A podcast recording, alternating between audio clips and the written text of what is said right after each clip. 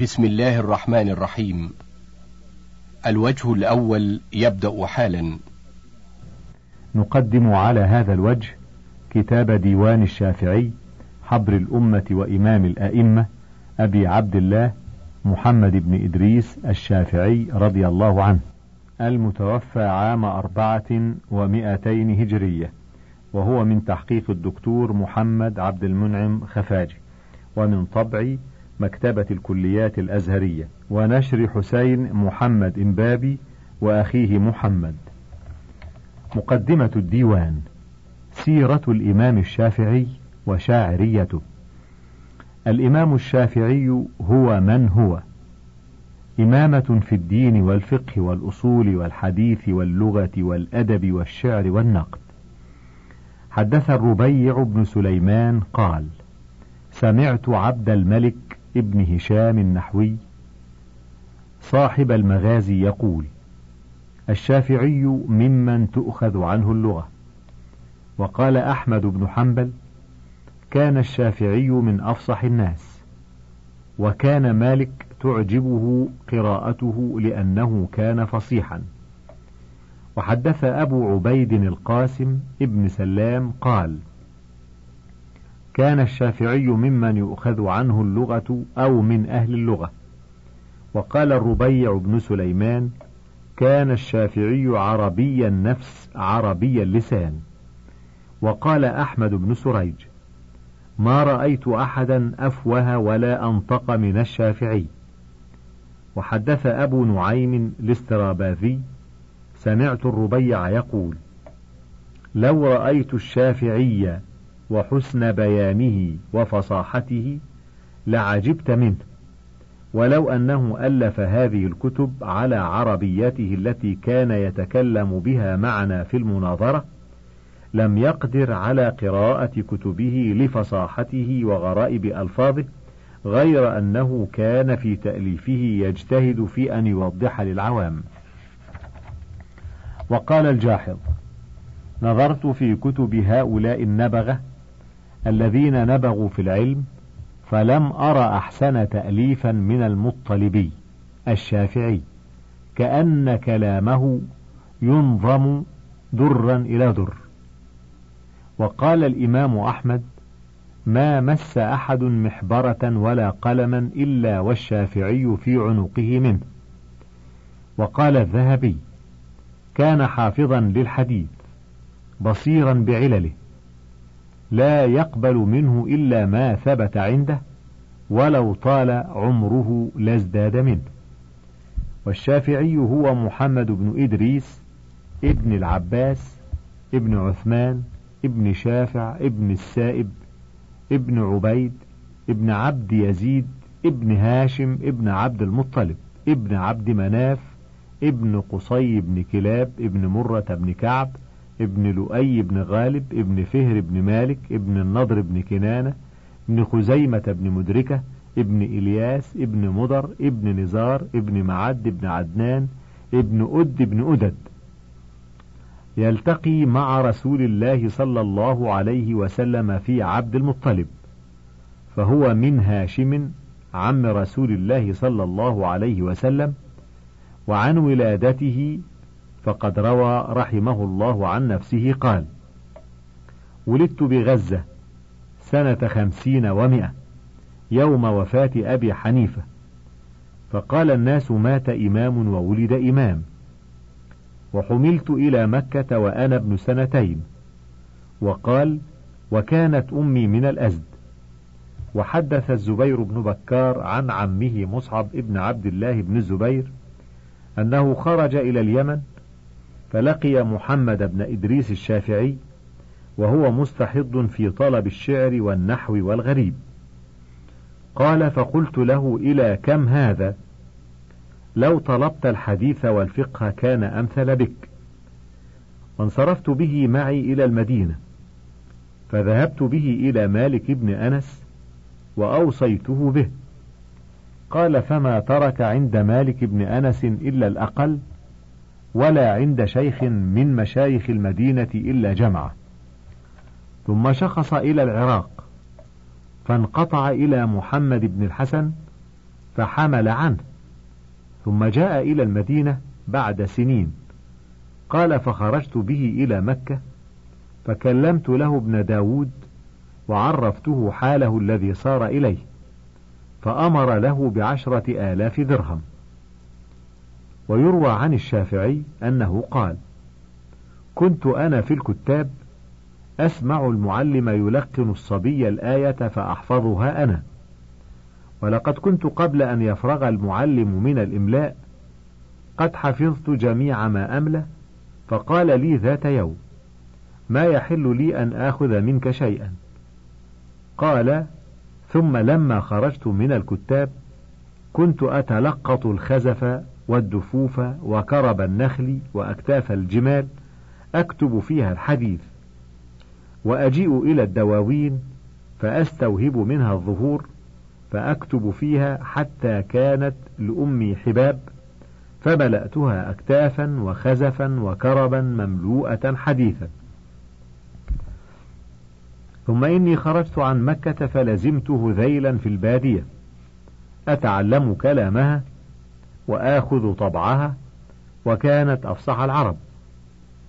قال فبقيت فيهم سبع عشرة سنة أرحل برحيلهم وأنزل بنزولهم فلما رجعت إلى مكة جعلت أنشد الأشعار وأذكر الآداب والأخبار وأيام العرب.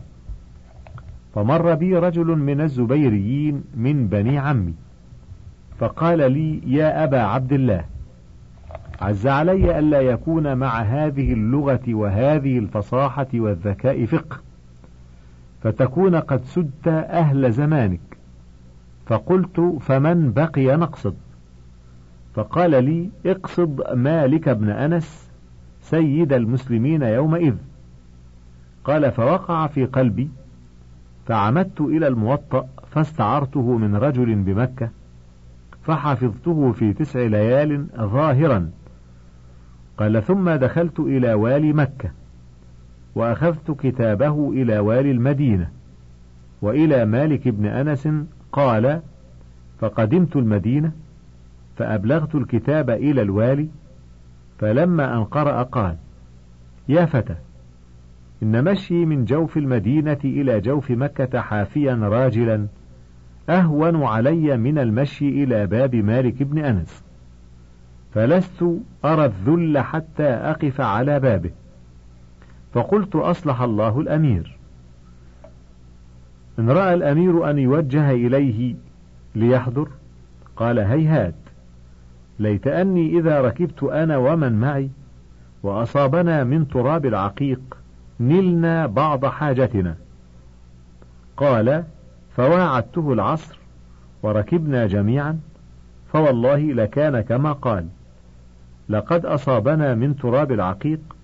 قال فتقدم رجل فقرع الباب فخرجت إلينا جارية سوداء.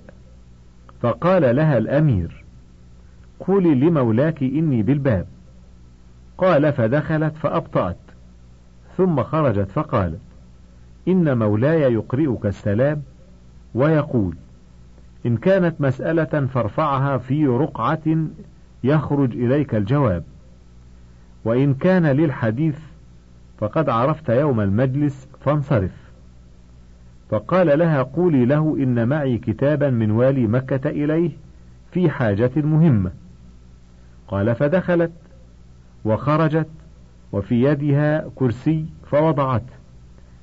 ثم إذا أنا بمالك قد خرج وعليه المهابة والوقار وهو شيخ طويل مسنون اللحية. فجلس وهو متطلس فرفع إليه الوالي الكتاب فبلغ إلى هذا إن هذا رجل من أمره وحاله فتحدثه وتفعل وتصنع. فرمى بالكتاب من يده ثم قال سبحان الله. أو صار علم رسول الله صلى الله عليه وسلم يؤخذ بالوسائل؟ قال فرأيت الوالي تهيبه أن يكلمه. فتقدمت إليه وقلت أصلحك الله. إني رجل مطلبي ومن حالي وقصتي. فلما أن سمع كلامي نظر إلي ساعة وكانت لمالك فراسة. فقال لي ما اسمك؟ قلت محمد. فقال لي يا محمد اتق الله واجتنب المعاصي. فإنه سيكون لك شأن من الشأن. ثم قال نعم وكرامة. إذا كان غدا تجيء ويجيء من يقرأ لك. قال فقلت أنا أقوم بالقراءة. قال فغدوت عليه. وابتدأت أن أقرأه ظاهرا والكتاب في يدي. فكلما تهيبت مالكا وأردت أن أقطع أعجبه حسن قراءتي وإعرابي. فيقول يا فتى زد حتى قرأته في أيام يسيرة. ثم أقمت بالمدينة حتى توفي مالك بن أنس ثم خرجت إلى اليمن فارتفع لي بها الشأن وكان بها وال من قبل الرشيد وكان ظلوما غشوما. وكنت ربما آخذ على يديه وأمنعه من الظلم. قال وكان باليمن تسعة من العلوية قد تحركوا فكتب الوالي وإني أخاف أن يخرجوا وإنها هنا رجلا من ولد شافع المطلبي لا أمر لي معه ولا نهي. قال فكتب إليه هارون الرشيد أن احمل هؤلاء واحمل الشافعي معهم فقرنت معهم. قال فلما قدمنا على هارون الرشيد أدخلنا عليه وعنده محمد بن الحسن. قال فدعا هارون الرشيد بالنطع والسيف وضرب رقاب العلوية. ثم التفت محمد بن الحسن فقال يا أمير المؤمنين هذا المطلبي لا يغلبنك بفصاحته فإنه رجل لسن. فقلت مهلا يا أمير المؤمنين.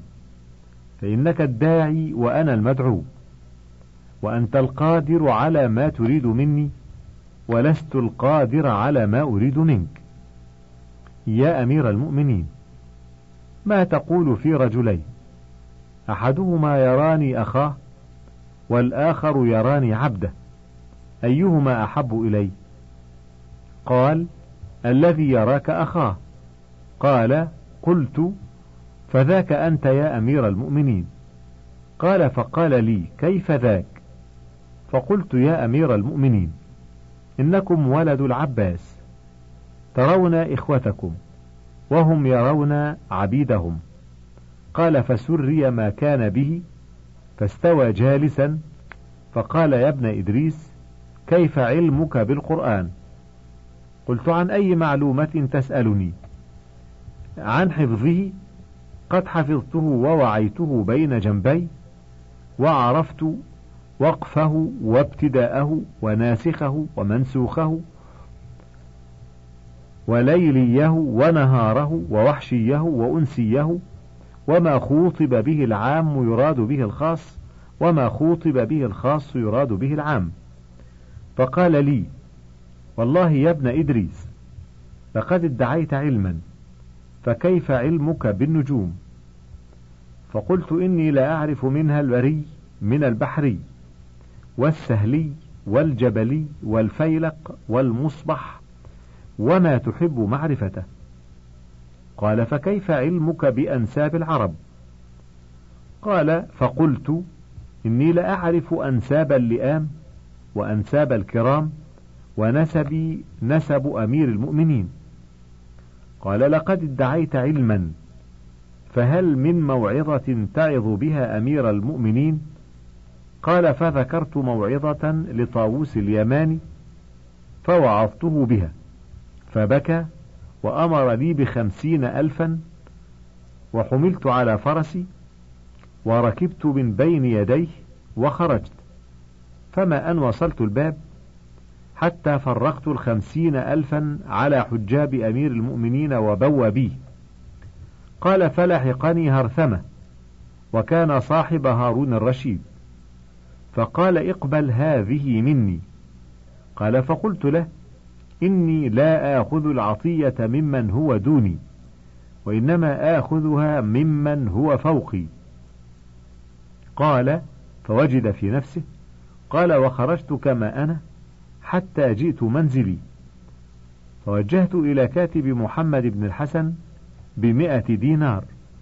وقلت اجمع الوراقين الليلة على كتب محمد بن الحسن وانسخها لي ووجه بها إلي.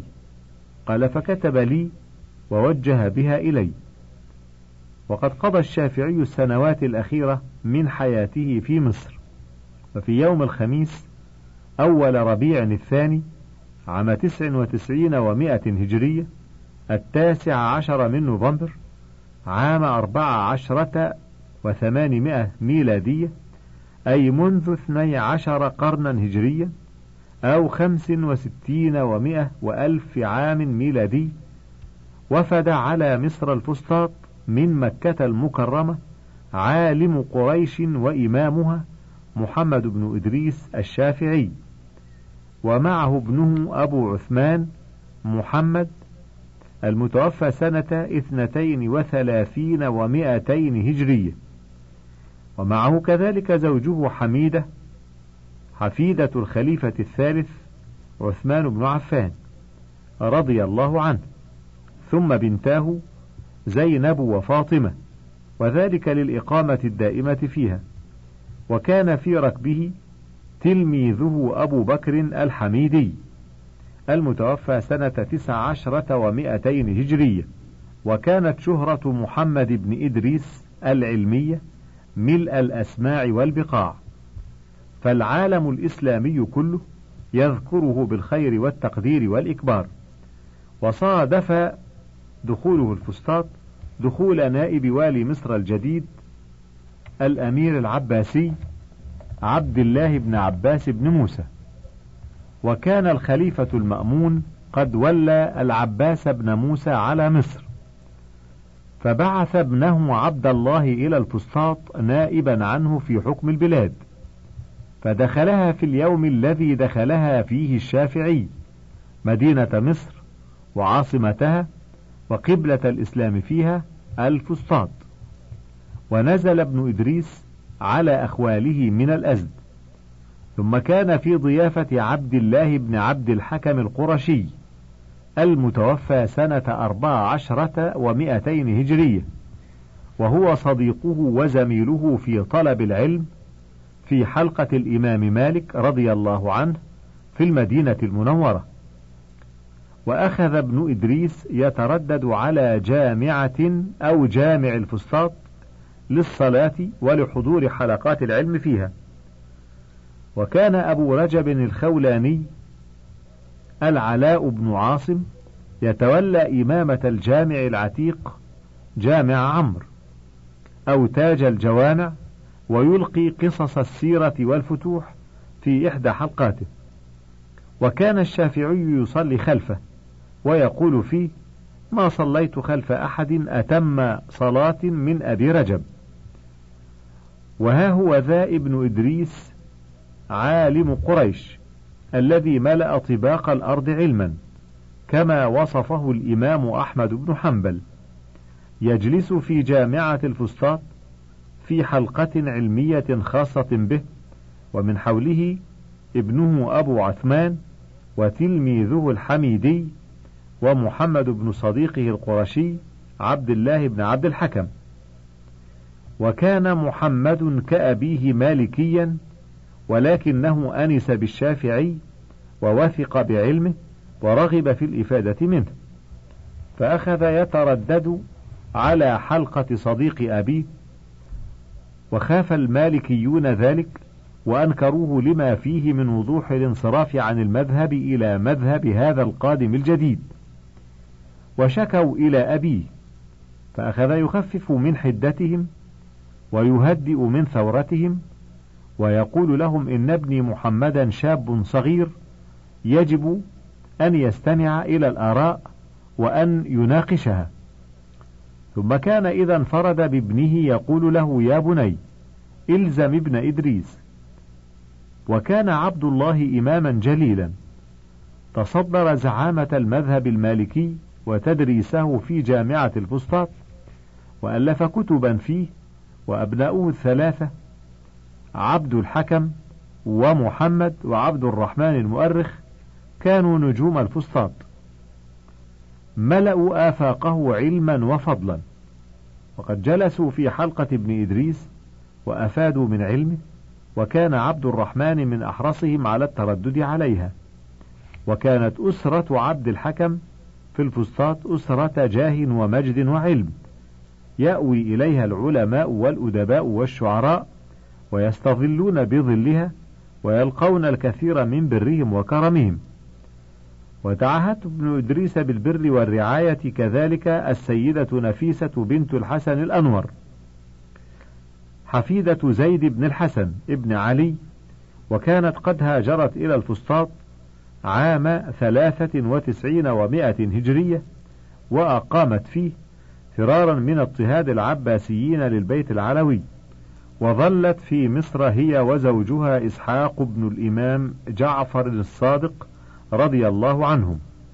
وعاشت في الفسطاط خمسة عشر عاما إلى أن فاجأها الأجل عام ثمانية ومائتين هجرية.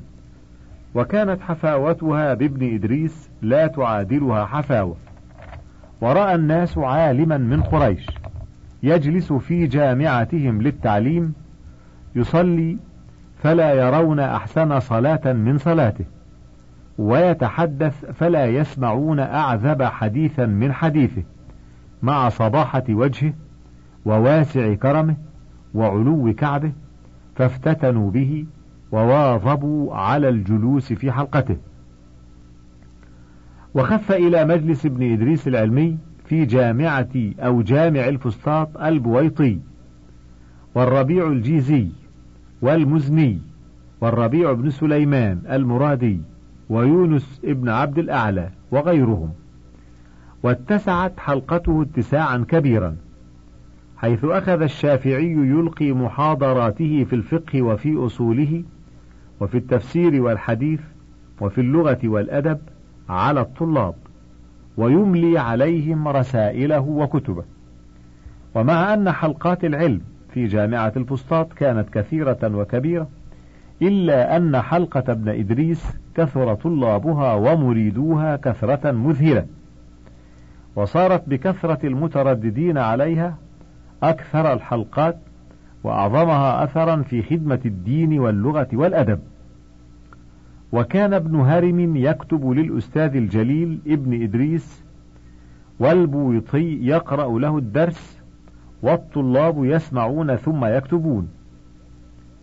وفي زاوية الخشابية بالمسجد الكبير الجامعة الإسلامية الأولى في مصر التي عرفت بابن إدريس كان نسكه وعبادته وكان يجلس فيها ليكتب ومن حوله تلاميذه ومريدوه. وكان يبدأ دروسه بالقرآن وتفسيره ثم بالحديث وعلومه ثم بالفقه وأصوله ثم بالعربية وعلومها. وكان يقول من تعلم القرآن عظمت قيمته ومن كتب الحديث قويت حجته ومن نظر في الفقه نبل قدره ومن نظر في اللغة رق طبعه ومن نظر في الحساب جزل رأيه وكان يناظر سرج الغول الشاعر الأديب في الأدب والشعر والنقد وكان لسرج حلقة أدبية كبيرة في الجامع العتيق. وكان لا بد أن يغضب المالكيون خوفا على مكانتهم الروحية التي زعزع منها ابن إدريس إذ لم يصبحوا في الصدارة كما كانوا من قبل. حتى إن فتيان ابن أبي السمح المالكي الفقيه نظر الشافعي وأسرف في اللدد والخصومة في مناظرته. ووجه إلى ابن إدريس كلاما لا يصح أن يقال له فعلم أمير مصر بالأمر فعاقب ابن أبي السمح عقابا شديدا زاجرا وأخذ تلاميذ فتيان ابن أبي السمح يطاردون كل من يذهب إلى حلقة الشافعي غضبا لأستاذهم وجاء عيسى بن المنكدر قاضي مصر فيما بعد على مدى عامين إلى الأستاذ العظيم ابن إدريس يلقي عليه اللوم لأنه أحدث مذهبا جديدا. ولكن الجماهير كانت بالمرصاد لكل من حاول أن يمس مكانة الأستاذ الجليل كما كان والي مصر السري المتوفى عام خمس ومائتين هجرية بالمرصاد لابن أبي السمح حيث عاقبه عقابا رادعا. وكان الإمام ابن إدريس يذكر مكة المطهرة. في شوق كبير إليها ويذكر إمام بغداد أحمد بن حنبل بالشوق والحب ويقول لقد وعدني أحمد أن يقدم إلى مصر ويقول لتلميذه يونس ابن عبد الأعلى يا يونس أدخلت بغداد؟ فرد عليه يونس لا قال ما رأيت الدنيا ولا رأيت الناس وكان ابن إدريس يقول عن ابن عبد الأعلى هذا ما رأيت أحدا أعقل من يونس ابن عبد الأعلى. وكان أحمد بن حنبل يقول في الشافعي كان الشافعي كالشمس للدنيا وكالعافية للناس ويقول عنه ما علمت أحدا أعظم منه على الإسلام في زمن الشافعي من الشافعي. ويقول ما رأيت أحدا أفقه في كتاب الله تعالى من هذا القرشي. وكان ابن إدريس قد ولد في غزة عام خمسين ومائة هجرية وبين غزة وعسقلان عاش مع أمه يتيما عامين. ثم ذهبت به الأم إلى بلده مكة البلد الحرام فلما جاوز الرابعة من عمره أقبل على القرآن الكريم يحفظه وما أتم السابعة إلا وقد تم حفظه وتجويده.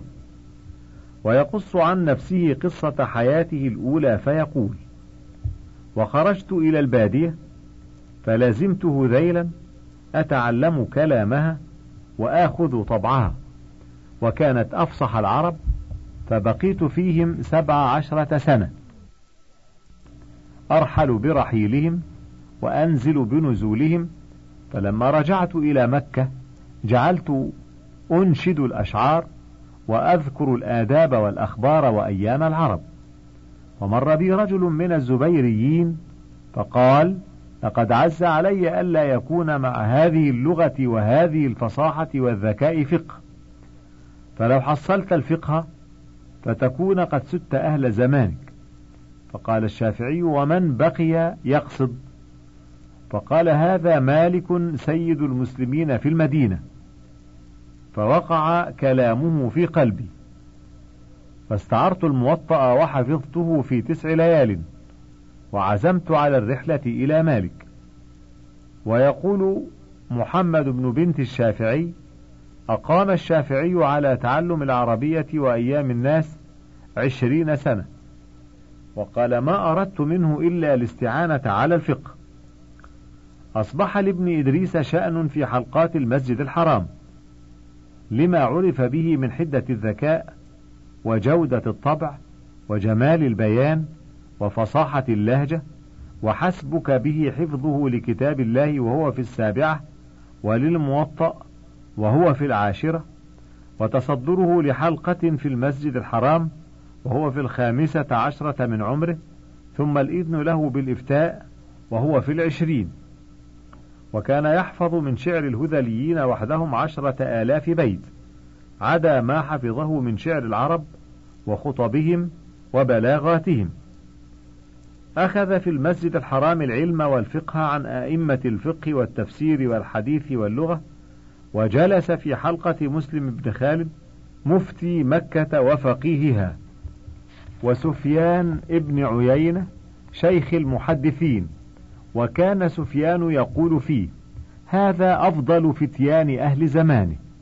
ثم غادر مكة إلى مدينة رسول الله صلى الله عليه وسلم ليأخذ الحديث على مالك شيخ المحدثين. وفي حلقته تعرف بالكثير من أترابه الشداه الناهجين نهجه في التعلم والتعليم. ولم يلبث أن ولي قضاء اليمن بمساعدة مصعب بن عبد الله القرشي وتوصيته عليه عند والي اليمن.